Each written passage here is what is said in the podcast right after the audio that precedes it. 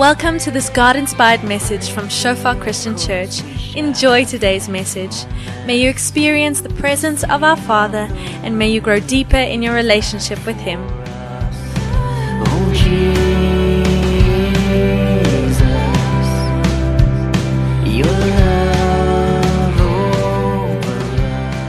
Welkom almal. Lekker om hier vanoggend te wees. As jy die heaters nie uitgehaal nie want ons het gedink is 'n bietjie warmer as die laaste paar weke, maar lyk my die saal het nie die memo gekry nie.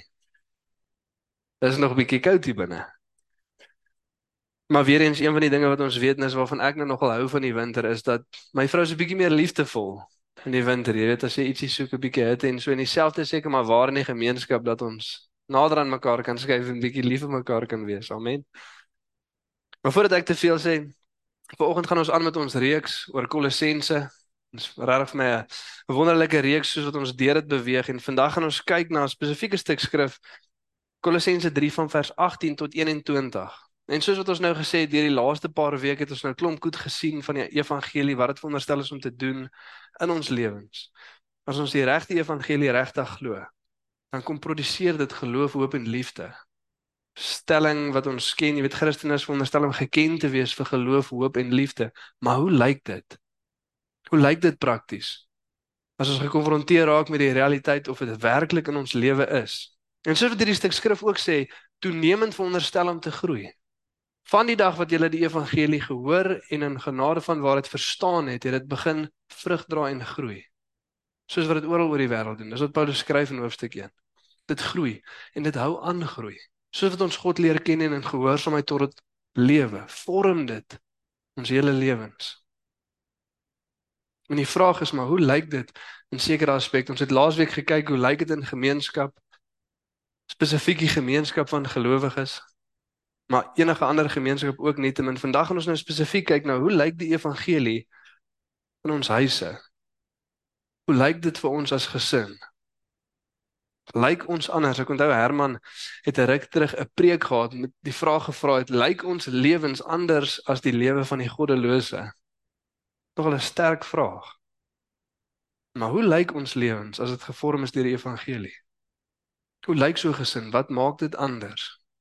Belangrike vraag om te vra, soos ons sê van die oomblik as ons wegbeweeg van stelling soos geloof, hoop en liefde en ons vra vir onsself, maar wat beteken dit eintlik? Dan raak dit baie keer bietjie ongemaklik. Amen. Ons hou daarvan om seker goed net te sê, maar nie introspeksie te doen nie, want nou word ek gekonfronteer deur 'n paar goed wat ek nie wil mee gekonfronteer word nie. Maar een van die mooi goed wat ons ook in hierdie stuk skrif gesien het, is dat wanneer ons hierdie goed sien, hoef ons nie te maak asof ons nie dit begeer of nie dit wil hê nie.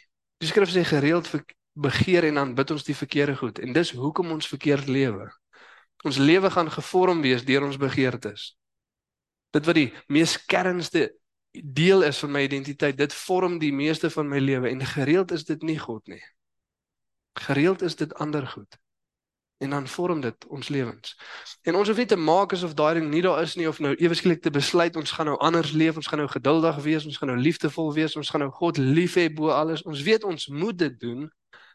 Maar dit beteken nie ons doen dit altyd nie. En die wonderlike nuus van die evangelie is, is dat ons daai na God toe kan vat en in waarheid tot hom nader en kan sê Jesus help. Here gee vir ons 'n openbaring van wat dit beteken dat ons uitget kies is deur U, heilig gemaak is deur U omdat U ons liefhet. Nie ons wat U kies, ons wat onsself heilig maak sodat U ons kan lief hê nie. Nee, maar 'n liefdevolle God wat ons uitverkies en ons heilig maak in Jesus. Kom vertel ons, kom wys ons Here wat dit beteken. Want vir ons wat in 'n kultuur lewe wat tradisioneel Christen is, is die waarheid daar dat ons ongelukkig baie keer loop met die inligting, maar nie die realiteit nie. Ons het al gehoor daarvan, maar dit nog nooit ervaar nie. Ons het al soveel goed, soveel keer gehoor dat ons net so vinnig daarbey beweeg en nie vra of is dit eintlik waar vir my lewe? Glo ek dit eintlik regtig nie? En ek hoop ons doen dieselfde as ons hierdeur gaan vanoggend. Wanneer ons sien iets is nie soos wat dit moet wees nie of daar's iets wat bietjie uit lyn uit is, kom ons maak nie asof dit nie daar is en sê vir onsself, "Oké, ons gaan nou eweslik beter wees nie." Kom ons vat dit na die Here toe. En laat toe in lig van die evangelie dat God ons harte kom verander. Want vir oggend vir alles dit kom by ons huis is nogal 'n sensitiewe saak. Amen. Ek dink nie daar is 'n area van lewe wat meer sensitief, meer moeilik is om te benader as die nie. Die evangelie in ons huisgesinne. Die mense wat so groot invloed gehad het op ons lewe of baie keer die gebrek daarvan. Maar nietemin dit maak seer as ons na party goed kyk, dit maak ons kwaad, maak ons ongelukkig, maak ons hartseer. Net soos wat ons kan bly en soveel hoop kan gee as ons na sekere goeders kyk. En so met dit in gedagte wil ek vir ons bid en dan spring ons lekker in. Ja Here, dankie Vader dat ons vanoggend hierdie onderwerp voor U kan kom bring, Here. Kan kom kyk in die woord Vader en voordat ons inspring, Here, wil ons net bewus wees van die feit, Here, dat dit is 'n sensitiewe onderwerp, Here. Vir party van ons, Here, het dit so groot impak gemaak in ons lewe dat ons iewers gebesluit het dat ek gaan myself nie meer daaraan steur nie, ek gaan nie terug daaraan dink nie, die huis waar ek groot geword het, hoe seker goed gewerk het nie, ek gaan nie meer laat dit my beïnvloed nie. Maar soos wat ons daai stelling maak, Here, kom ons agter dat dit tot, dit tot ons so beïnvloed dat ons op daai plek moes kom om daai woorde te sê. Dit beïnvloed ons. En ja, Here, in lig van dit kom sê ons ook vir U dankie, Vader, en dat U kan kom genees, Here. U kan kom heel maak. En ja, Here, ons weet ook Vader dat wanneer ons U ideale prentjie Vader langs ons realiteit sit, dan is dit nooit 100% perfek nie, Vader. En mag ons genade met mekaar hê vir dit. Dankie Here dat ons kan kom verklaar Vader dat selfs in die slegste van omstandighede, Here, was daar iets goed.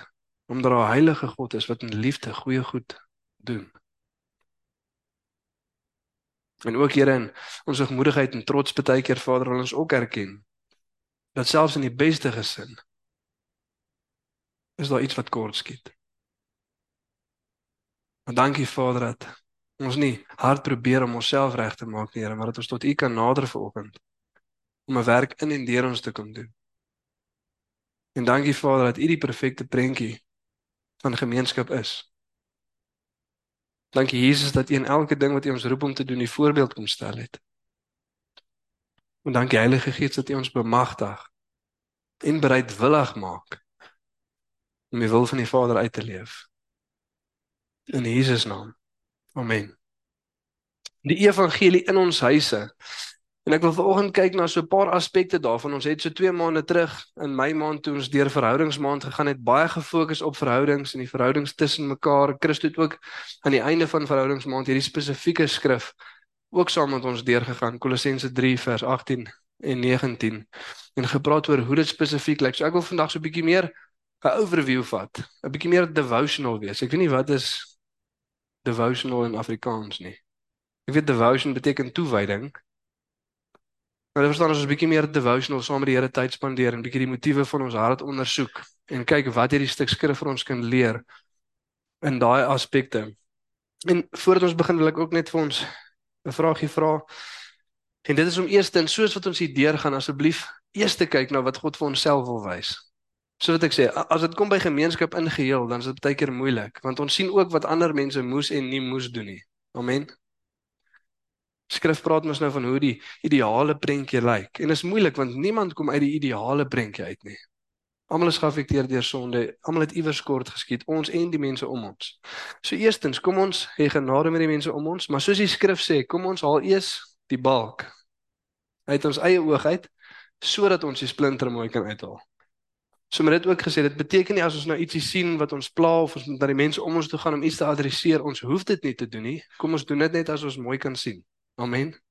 Eers na onsself, dan na die mense om ons toe. Tweedens, as ons by 'n stuk kom wat ons voel nie van ons op toepassing is nie, moenie net afskakel nie. Hoekom? Want ons mag dalk een of ander tyd weer in so 'n situasie beland. Hier's baie mense wat sit, jong, ek dink sekerlik ek gaan nie weer klein kinders hê nie. Maar wie weet, nê? Dalk verbaas die Here ons. Ek praat in die week met 'n met 'n ou En hy sê ja nee, maar hy weet ten minste hy gaan nie want hy kan nie meer kinders kry nie. En ek sê jong, gewoonlik as die stuk skrif begin, daar was 'n vrou en sy kon nie kinders kry nie, dan weet ons. Hierso gaan die Here dalk uh, 'n surprise vir iemand gee. So so wees net ook bewus van dit. Maar ons kan onsself dalk weer in daai situasie bevind, maar ook is ons geroep om disippels van ander te maak.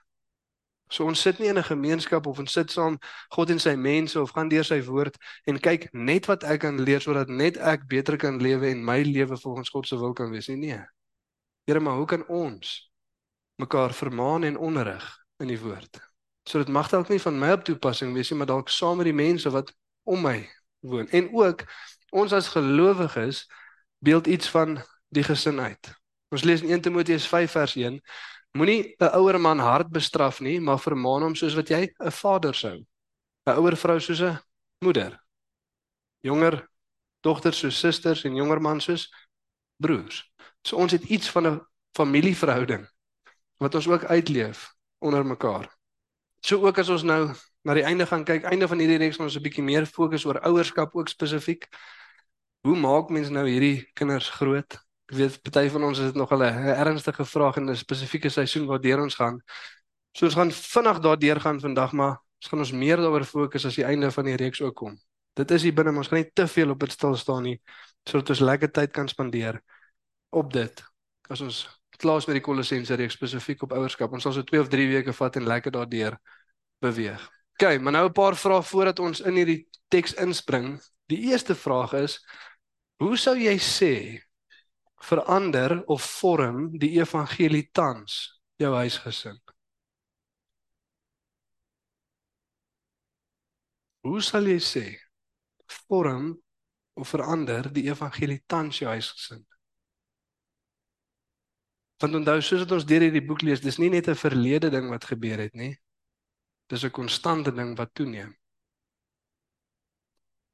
Toe ons gered word, het dit groot verandering gebring En soos wat ons God bly volg, toenemende verandering, konstant. Iets van die evangelie is konstant besig om ons huise te verander. Ons is konstant besig om te groei op 'n manier. Hoe lyk dit? Vir die van ons wat gered geraak het nadat ons net maar getroud of in gesinne was, wat was die verandering? Hoe lyk dit voor en na die tyd?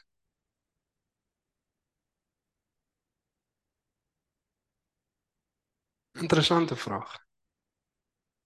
Hoe lyk dit? Hoeveel vorm dit?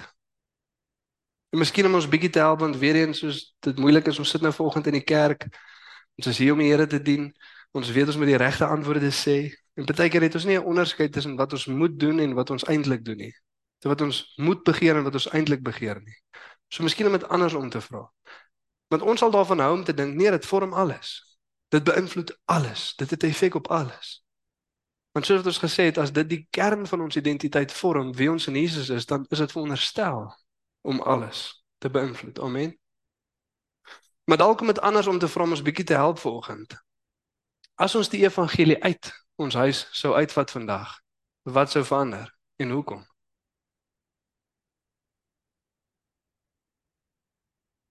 As ons vandag moet besluit, ons as gesin gaan nie meer God dien nie, wat sal verander en hoekom?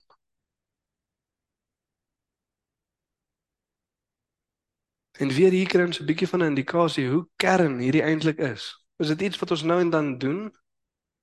Of is dit wie ons is? Ons is mense uitgekies deur God, heilig gemaak in Jesus omdat hy ons liefhet. Hoeveel vorm dit? En nie net op 'n gevoel of 'n karakter vlak nie, maar ook prakties. Want baie keer dan dink ons net karaktergewys.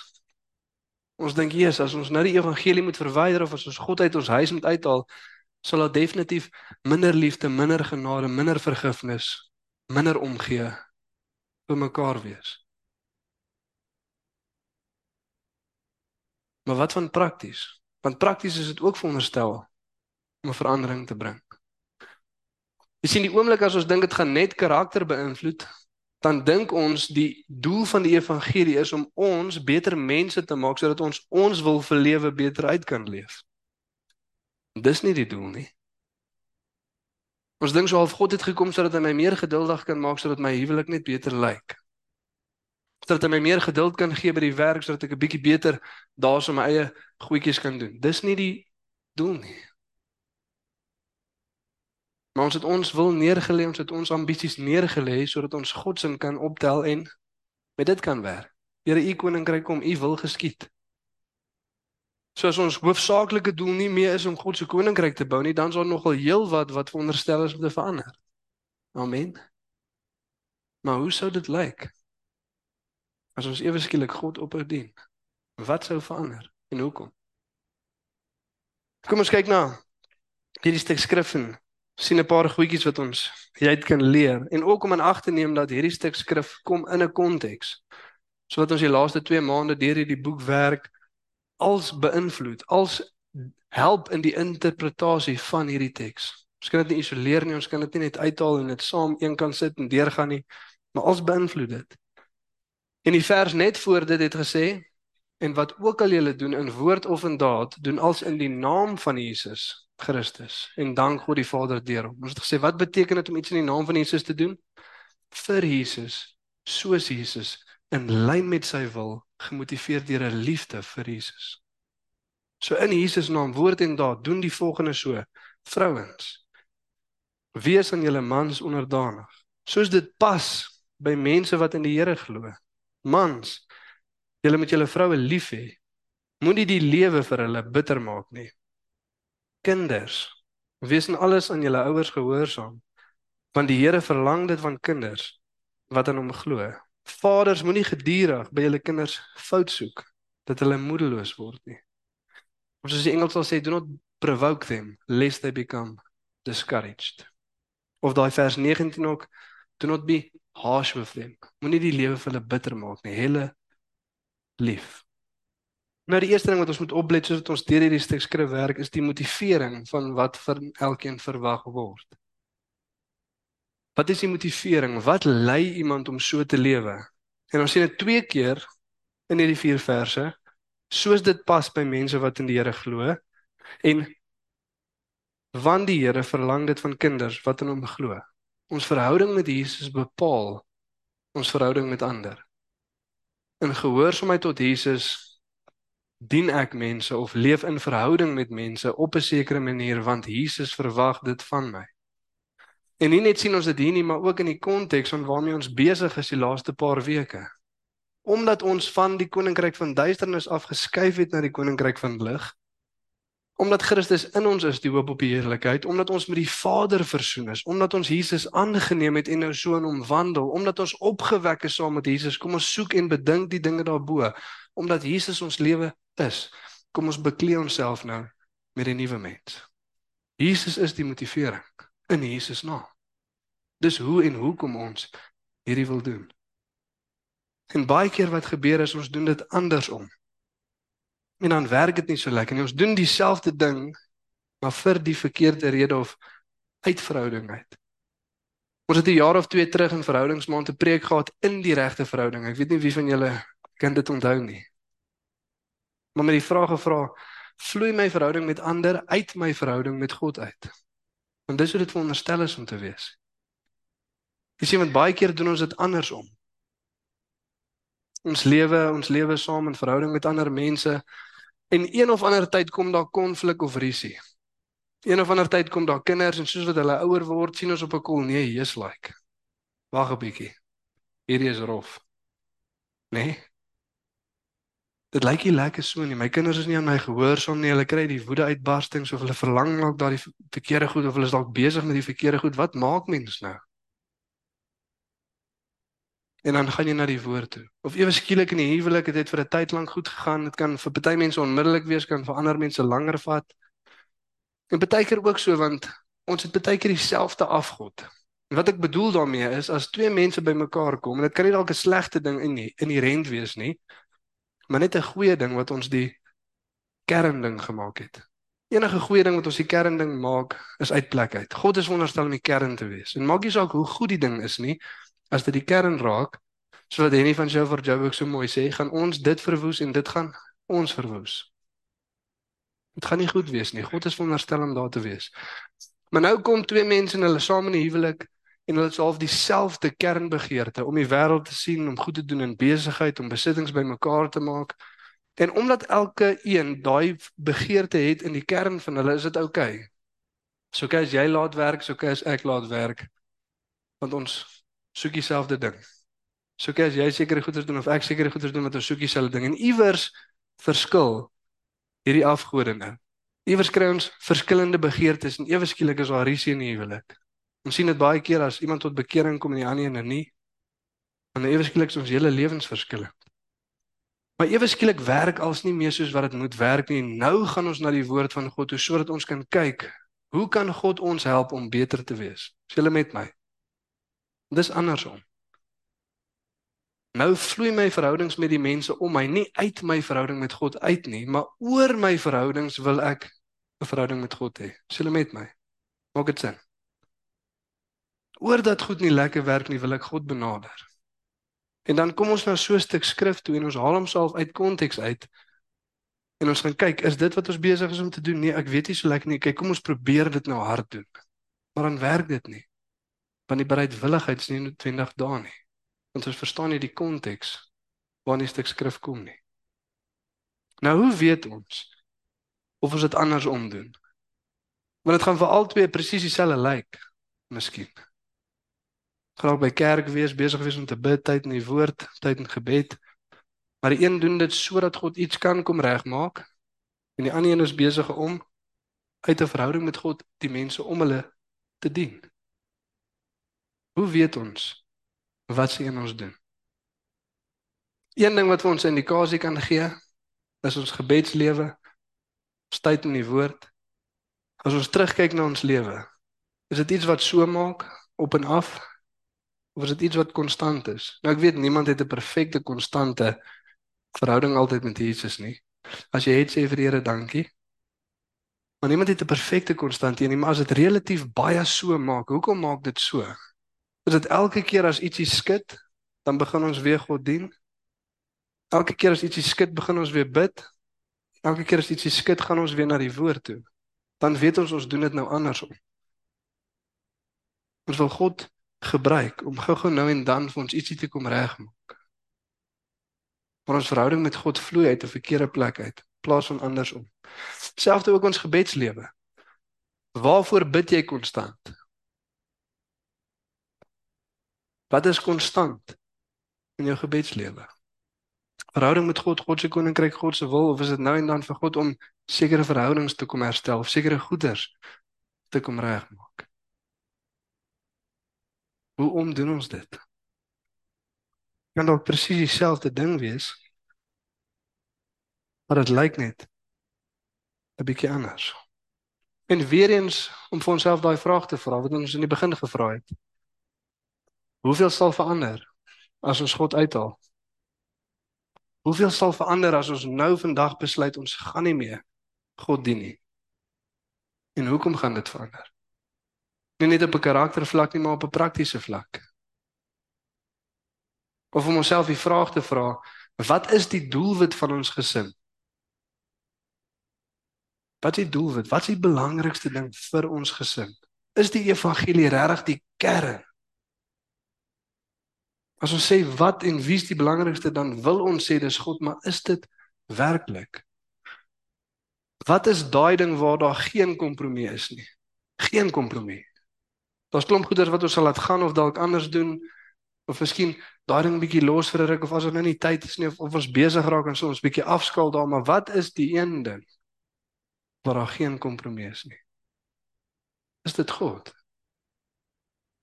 Is dit geestelike dissipline? Is dit wat hy van ons verwag? Is daar geen kompromie daar nie? Miskien wat party van ons sal vir onsself en ook vir ons kinders soveel moeite doen vir sekere areas, maar vir ander weer nie. Ons sal afvat by die werk, ons sal beplan, ons sal seker maak hulle kom altyd daar uit. Wat is daai goed? Want as dit nie die evangelie is nie, dan is dit nie die kern nie. En dit mag dalk 'n goeie ding wees. Maar as 'n goeie ding die plek van God vat, gaan dit verwoes. Van ons vernietig dit gaan die ding ook vernietig.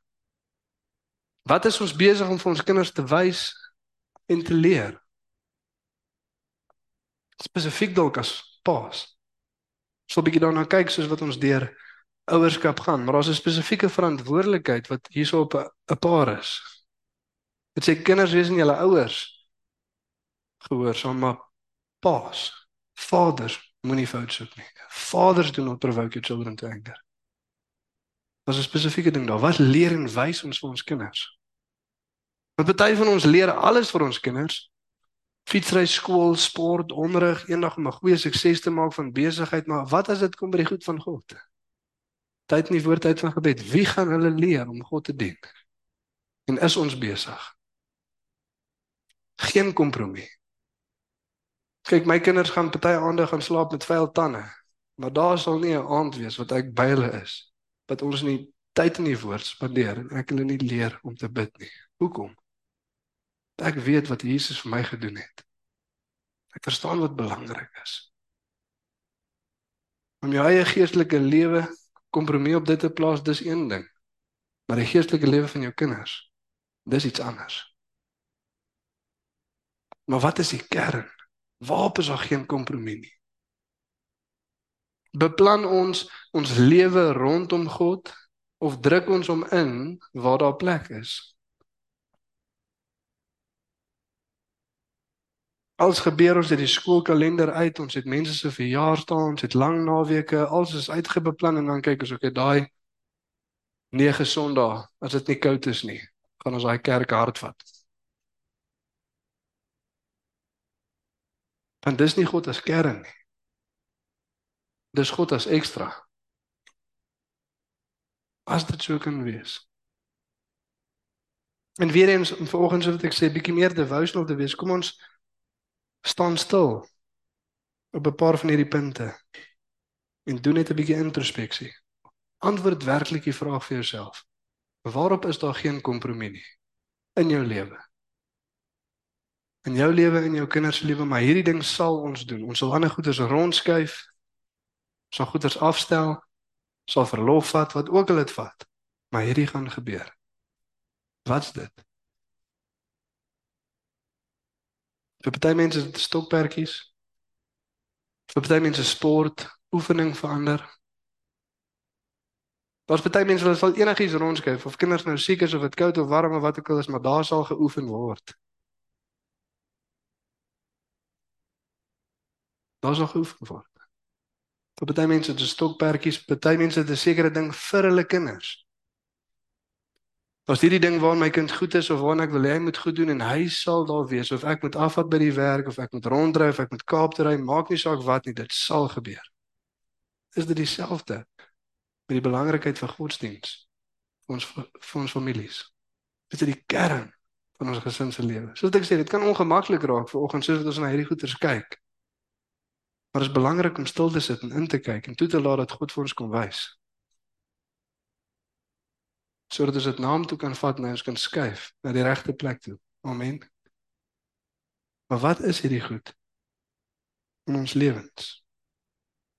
En vir elkeen van ons wat hier aangespreek word in hierdie stuk vrouens, mans, kinders, ouers, is dit nodig vir ons om die evangelie te ontvang sodat ons dit kan gee.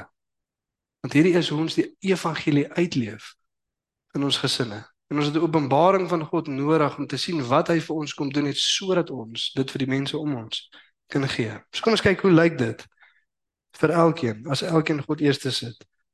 En hier is ook nou die belangrike ding om te besef dat ja, die mense om jou speel 'n rol vir 'n vrou om onderdanig te wees aan 'n man beïnvloed haar man dit op 'n manier yes 100%. Maar is dit die kern van die saak? Nee. Nee, ons hoef nie die perfekte gesin te hê om te doen wat God van ons verwag nie, omdat ons die perfekte God het. Amen. Omdat Jesus is wie hy is en omdat hy gedoen het wat hy gedoen het, kan ek wees wat hy van my verwag sonder dat die mense om my noodwendig is wat God van hulle verwag. Is julle met my? Ons hoef nie die perfekte omstandighede of die perfekte mense te hê nie. Want anders sou niemand dit kon uitleef nie. Maar uit verhouding met God kan ons hierdie uitleef. En dit is nogal interessant want Paulus skryf dit op 'n spesifieke manier hierso. En ek wil hê ons moet self oplet na die manier hoe hy dit vir ons skryf.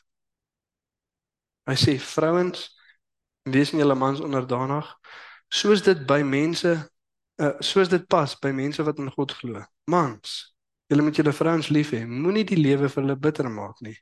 Kinders, wees in alles aan julle ouers gehoorsaam want die Here verlang dit van kinders wat in hom glo. Vaders, Moenie gedurig by julle kinders fout soek dat hulle moedeloos word nie. Vrouens, mans, kinders, mans. Hy praat eers met die vrouens en dan sê hy vir hulle hoekom hulle moet doen wat hy van hulle verwag. Dan praat hy met die mans en dan praat hy oor 'n manier van dit doen. Dan praat hy met die kinders en sê hy hoekom hulle dit moet doen. Dan praat hy weer met die mans en sê hoe hulle dit moet doen. So die vrouens en die kinders het 'n motivering hoekom en die mans het 'n instruksie hoe. Hoe doen mense dit? Nogal interessant. Hoekom? Want die man word 'n spesifieke verantwoordelikheid hier gegee. En daai verantwoordelikheid kan misbruik word. Daai verantwoordelikheid kan verkeerd gesien word. En die eerste ding wat God sê vir die vrouens is al maak julle mans die lewe vir julle bitter. Wees in hom onderdanig en dis wat God van jou verwag. Hy stel jou in staat.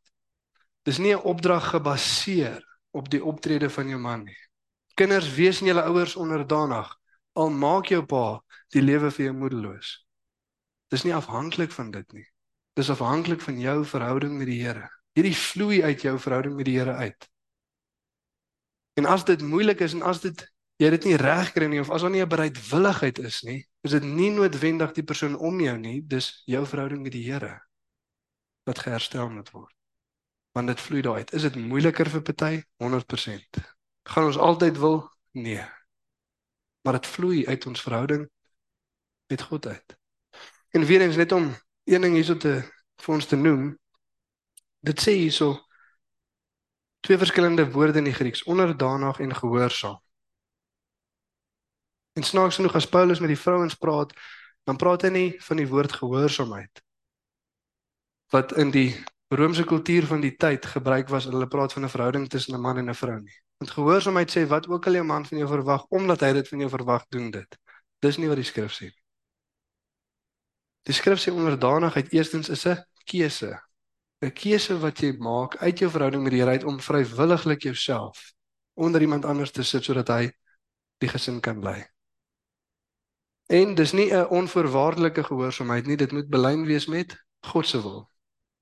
En hierso moet ek nou net weer eens 'n ding sê in lig van mistiek waar ons ekie terug gesels het. God se wil sy geskrewe woord.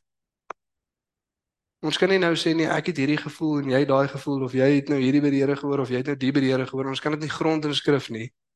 Hoekom? Want wat sê God vir die vrouens in Genesis 3 na die sondeval? Jou begeerte gaan wees vir jou man, maar hy gaan oor jou heers. Met ander woorde, die effek van sonde is dat 'n vrou die begeerte gaan hê om te manipuleer,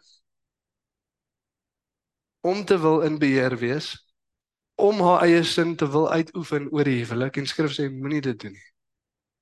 Dis sonde. Ons moet oor sonde heers. Sonde se begeerte is vir ons, soos wat die Here vir Kain sê, maar ons moet daaroor heers.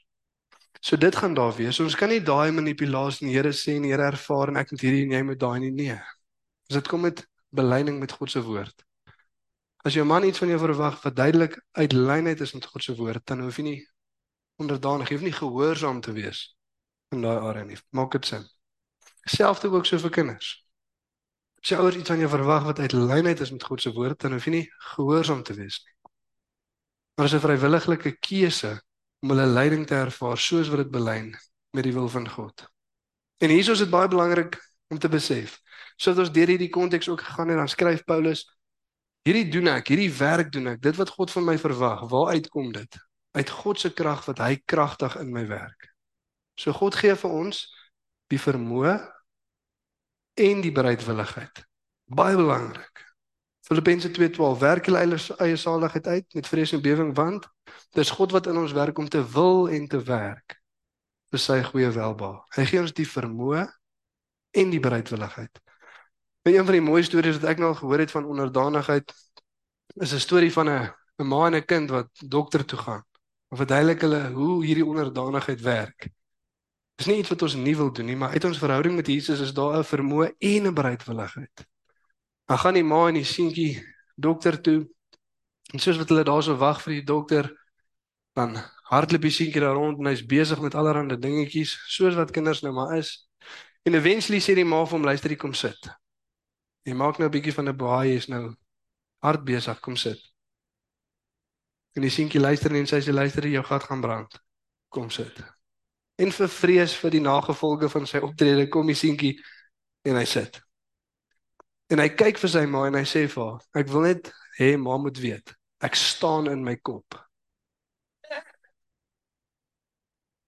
Ek sit dalk op die stoel, maar ek staan in my kop. Dis nie onderdanigheid nie.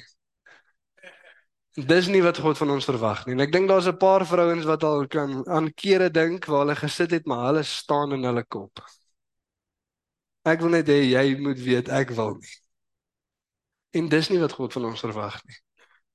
Daar's 'n vermoë en 'n bereidwilligheid. Hoekom? Want ons leef die evangelie uit. Dis hoe die vrou uitbeeld hoe Jesus aan die Vader onderdanig was en hoe die kerk nou aan Jesus onderdanig is. Ons leef die evangelie uit in ons huis. Dis die beste ding wat jy vir jou kind kan doen. Wil ek dit net vir jou verduidelik. Om die evangelie op 'n praktiese manier uit te leef. Ons gaan nou by die mans kom net vinnig na die kinders, maar soos ek sê oor 'n paar weke gaan ons bietjie meer daarna kyk. Kinders wees in alles aan julle ouers gehoorsaam, want die Here verlang dit van kinders wat in hom glo. En weer eens, nou kom party mense dalk agter dat die rede vir die risie in ons huishoudings of wat ook die geval mag wees, ek het jou nooit nooit my kind geleer om God te volg nie. Maar in ons autoritaire wêreld waarin ons leef, het ons vir ons kind gesê jy sal want pa sê so. En dis nie wat God van ons verwag nie. Don't provoke your children to anger.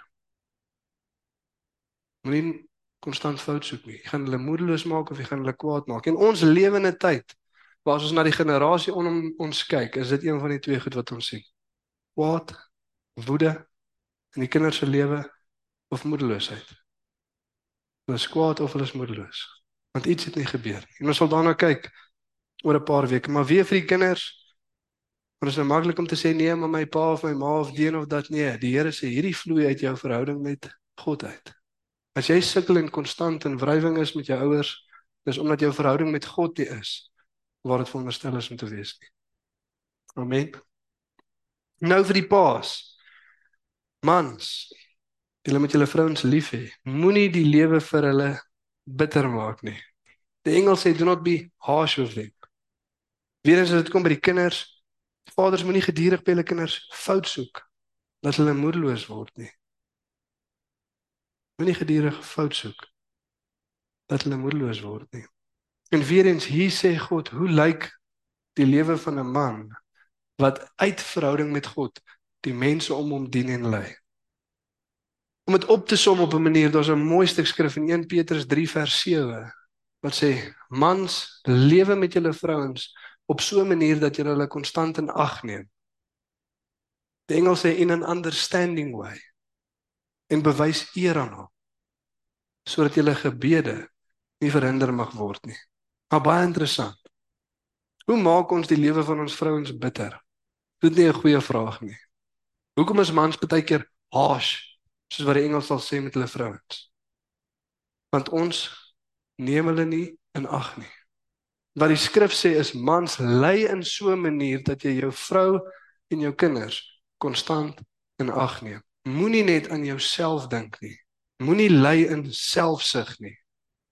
En hier's dit belangrik. Hier moet ons die evangelie ontvang sodat ons dit kan gee, want 'n man wat nie vol is met God nie, het niks om te gee vir die mense om hom nie. Niks om te gee nie. En in ons tradisionele Afrikaner huishouding sien ons dit. Wat is ons idee van onderdanigheid en 'n man wat die hoof is van die huis? Wat beteken dit? Beteken die man sit en die vrou doen alles? Sy dien dien dien dien dien. Nee. En Paulus het geweet ons gaan hierdie verkeerd verstaan. In Efesiërs 5 doen hy presies dieselfde. Hy praat eers met die vrou. En dan praat hy met die man sodat die man kan verstaan wat hierdie onderdanigheid nie beteken nie. En hy sê ook daar, mans wees aan julle vrouens onderdanig. Ag vrouens wees aan julle mans onderdanig. Mans doen wat? Hê julle vrouens lief en lê julle lewe vir hulle neer soos Jesus sy lewe vir die kerk neergelê het. Wat 'n opdrag. Hoe het Jesus dit gedoen? Gedien. Ek het nie gekom om gedien te word nie, maar om te dien en my lewe neer te lê vir baie. Toe die voete gewas word, wie het die handdoek om sy lyf? Jesus. Dien. Neem en ag, dien jou vrou op so 'n manier dat sy God beter kan volg. Dien jou kinders op so 'n manier dat hulle God beter kan volg. Want ons kry die extreme van al twee gevalle. Van mans wat homself se glad nie dien nie, maar net gedien wil word omdat hulle nie vol is van God nie. En dan sê die skrif dit so mooi. Ek weet nie of ons al ooit daaraan gedink het nie. 1 Petrus 3 vers 7. Hoekom sal ons gebede nie verhoor word nie of verhinder word as ons nie met ons vrouens lewe op 'n manier wat ons hulle konstant in ag neem nie. Skrif sê as jy nie so met jou vrou lewe nie, gaan ek nie jou gebede verhoor nie. Hoekom? Want God sê jy is besig om in selfsug te lewe en jy is klaar nie besig om my gehoorsaam nie. So wat gaan dit help as jy kom bid en ek praat met jou? Want jy wil in geval nie luister nie. Jakobus 4 vers 3 sê dat ons bid en ons ontvang nie want ons bid vir selfsugtige motiewe sodat ons dit op onsself kan spandeer. En die skrif sê 'n man wat bid wat nie sy vrou in ag neem nie, is daai selfsugtige man. Neem jou vrou in ag. Maar weer eens, wat sê die wêreld? Jy weet, dis dis my so snaaks want ons traai nogal by hierdie verbykom. Hoekom? Want dit vat moeite om jou vrou konstant in ag te neem, om jou kinders konstant in ag te neem, tyd in gebed, tyd by die Here sodat hy ons kan wys en kan leer. Maar wat sê die wêreld? Wie kan 'n vrou verstaan? Eers Here, ek weet hom nie hoe dit moontlik is nie, want wie kan hulle verstaan? Die persoon wat hulle wil verstaan. En ook as ons vir God bid en vir hom vra om ons te kom wys, dan sal dit moontlik wees. Amen. Om met hulle te lei in 'n manier wat verstaan. So daai is die een, selfsugtigheid. Iemand wat nie vol is nie en die kinders en die vrou met hom konstant dien.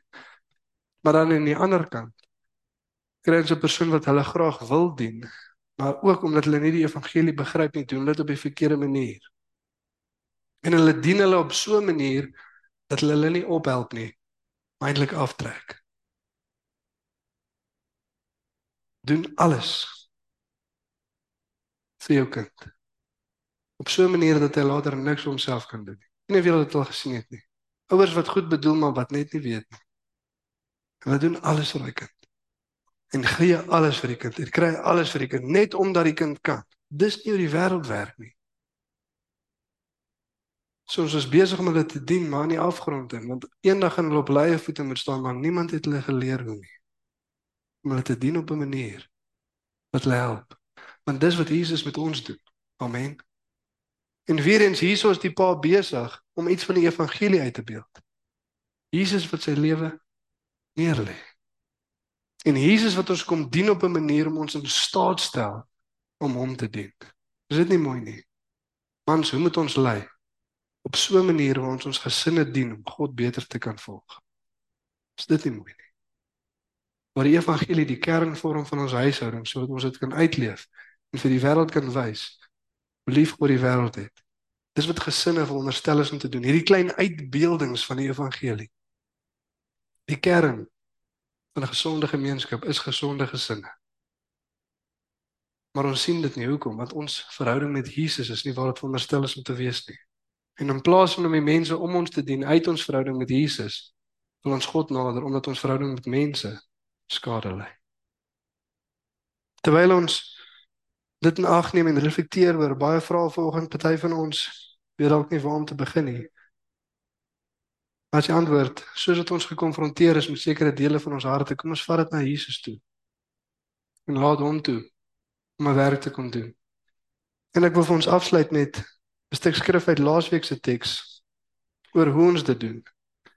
Want soos ek sê, hier's ander mense betrokke, maar mag dalk emosie binne in jou opgewek wees oor wat ander mense gedoen en nie gedoen het nie wat jy wil doen en wat hulle eintlik moet doen. Hoe benader ons dit? Ons benader dit so. 'n Paar verse voor hier wat ons nou net gelees het. Bekleë julle dan as uitverkorenes van God, heiliges en geliefdes, met innerlike ontferming, goedertierendheid, nederigheid, sagmoedigheid, lankmoedigheid. Verdra mekaar en vergewe mekaar. As die een teenoor ander 'n klag het, soos Christus julle vergewe het, so moet julle ook doen en bekleë julle bo dit alles met die liefde wat die band van die volmaaktheid is. En dan verder gaan dit aan en sê dit vermaan en onderrig mekaar in liefde want die woord van God woon in ons ryklik. So soos wat ons vanoggend opstaan en saam bid, kom ons laat toe dat God die balk uit ons eie oog kom uithaal. Kom ons sê Here, ek sien seker goed in my lewe, ek sien seker goed in my familie en my gesin. Ek kom lê dit voor U neer. En wanneer ons toegelaat het dat God die balk kom uithaal het vanoggend, kom ons draai dan ook na mekaar toe. En kom ons hê die vrymoedigheid en liefde om vir mekaar te sê ek ervaar hierdie nie noodwendig so nie. My vrou, ek weet nie altyd of jy wil sit op daai stoel. Dit voel vir my baie keer of jy meestal staan in jou kop. My man, jy jy maak die lewe vir my bitter en hier's hoekom. Hier's waar ek voel jy neem my nie in ag nie. Ouers vir hulle kinders kinders vir hulle ouers. Hier's waar ek voel moedeloos. Maar kom ons praat met mekaar en kom ons hê daai liefde sodat ons mekaar kan vergewe daar waar vergifnis nodig is. En kan herstel daar waar herstel nodig is. Sodat ons die evangelie die kern van ons huishoudings kan maak en dit saam kan uitleef in liefde. Amen. Kom ons staan volgende nou. Bid ons saam.